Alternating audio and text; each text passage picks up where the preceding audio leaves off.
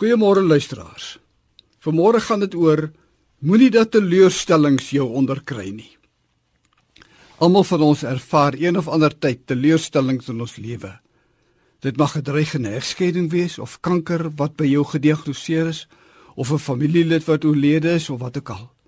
En hierdie teleurstelling mag 'n beduidende uitwerking op jou geloof hê. Wanneer ons berou of droefheid of teleurstelling ervaar, mag die toestand van teleurstelling egter nie onbepaald voortduur en jou lewe ondraaglik maak nie. Joel Osteen skryf in Your Best Life Now dat as jy steeds ongelukkigheid ervaar as gevolg van 'n teleurstelling wat 'n jaar of langer gelede plaasgevind het, sal jy iets omtrent moet doen.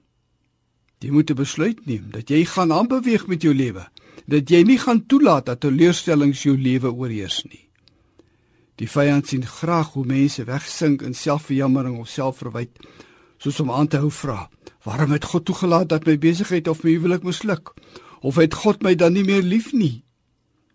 Jy moet ontslaa raak van die neerslagtigheid en jy moet ophou om te rou oor wat jy verloor het en begin om God se genade en liefde te ontvang. In 2 Petrus 3 vers 9 staan: "Nee, hy is geduldig met julle, omdat hy nie wil hê dat iemand verlore gaan nie." Hy wil hê dat almal hulle moet bekeer. Jy moet leer om jouself te vergewe en om minder krities op jouself te wees, sodat jy ongehinderd kan ontvang dit wat God met jou wil deel. Soms verstaan ons God net nie, soos wanneer twee persone baie siek is. Daar word vir albei van hulle vir genesing gebid, maar net die een word genees. Ons moet egter God vertrou al verstaan ons hom nie altyd nie. Hy is in beheer en weet altyd wat is die beste plan vir die oplossing van ons probleem. Soos wat Austin sê, God wants to take your scars and turn them into stars. Hy wil iets nuuts in jou lewe doen en jy moet jou planne wat jy gekoester het laat vaar sodat jy gered kan wees om God se nuwe plan vir jou wat hy vir jou het te ontvang.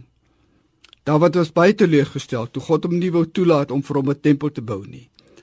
Maar Dawid het sy teleurstelling gou verwerk deur dit te vervang met 'n die diep dankbaarheid dat sy seun Salomo wel die voorreg sou kry om die aardse huis van God te bou en dat God 'n ewige koningskap deur Dawid se nageslag sal vestig. Ons moet al ons planne aan sy wil onderwerp en weet dat teleurstelling of mislukking nooit die einde van die pad beteken nie. Plek van te fokus op ons teleurstelling of verlies, moet ons geduldig wag totdat God ons bewus gemaak het van die seënings wat ons wel ontvang het en waarvan ons waarskynlik alreeds vergeet het en wat die pad aandui wat God wil hê ons moet loop.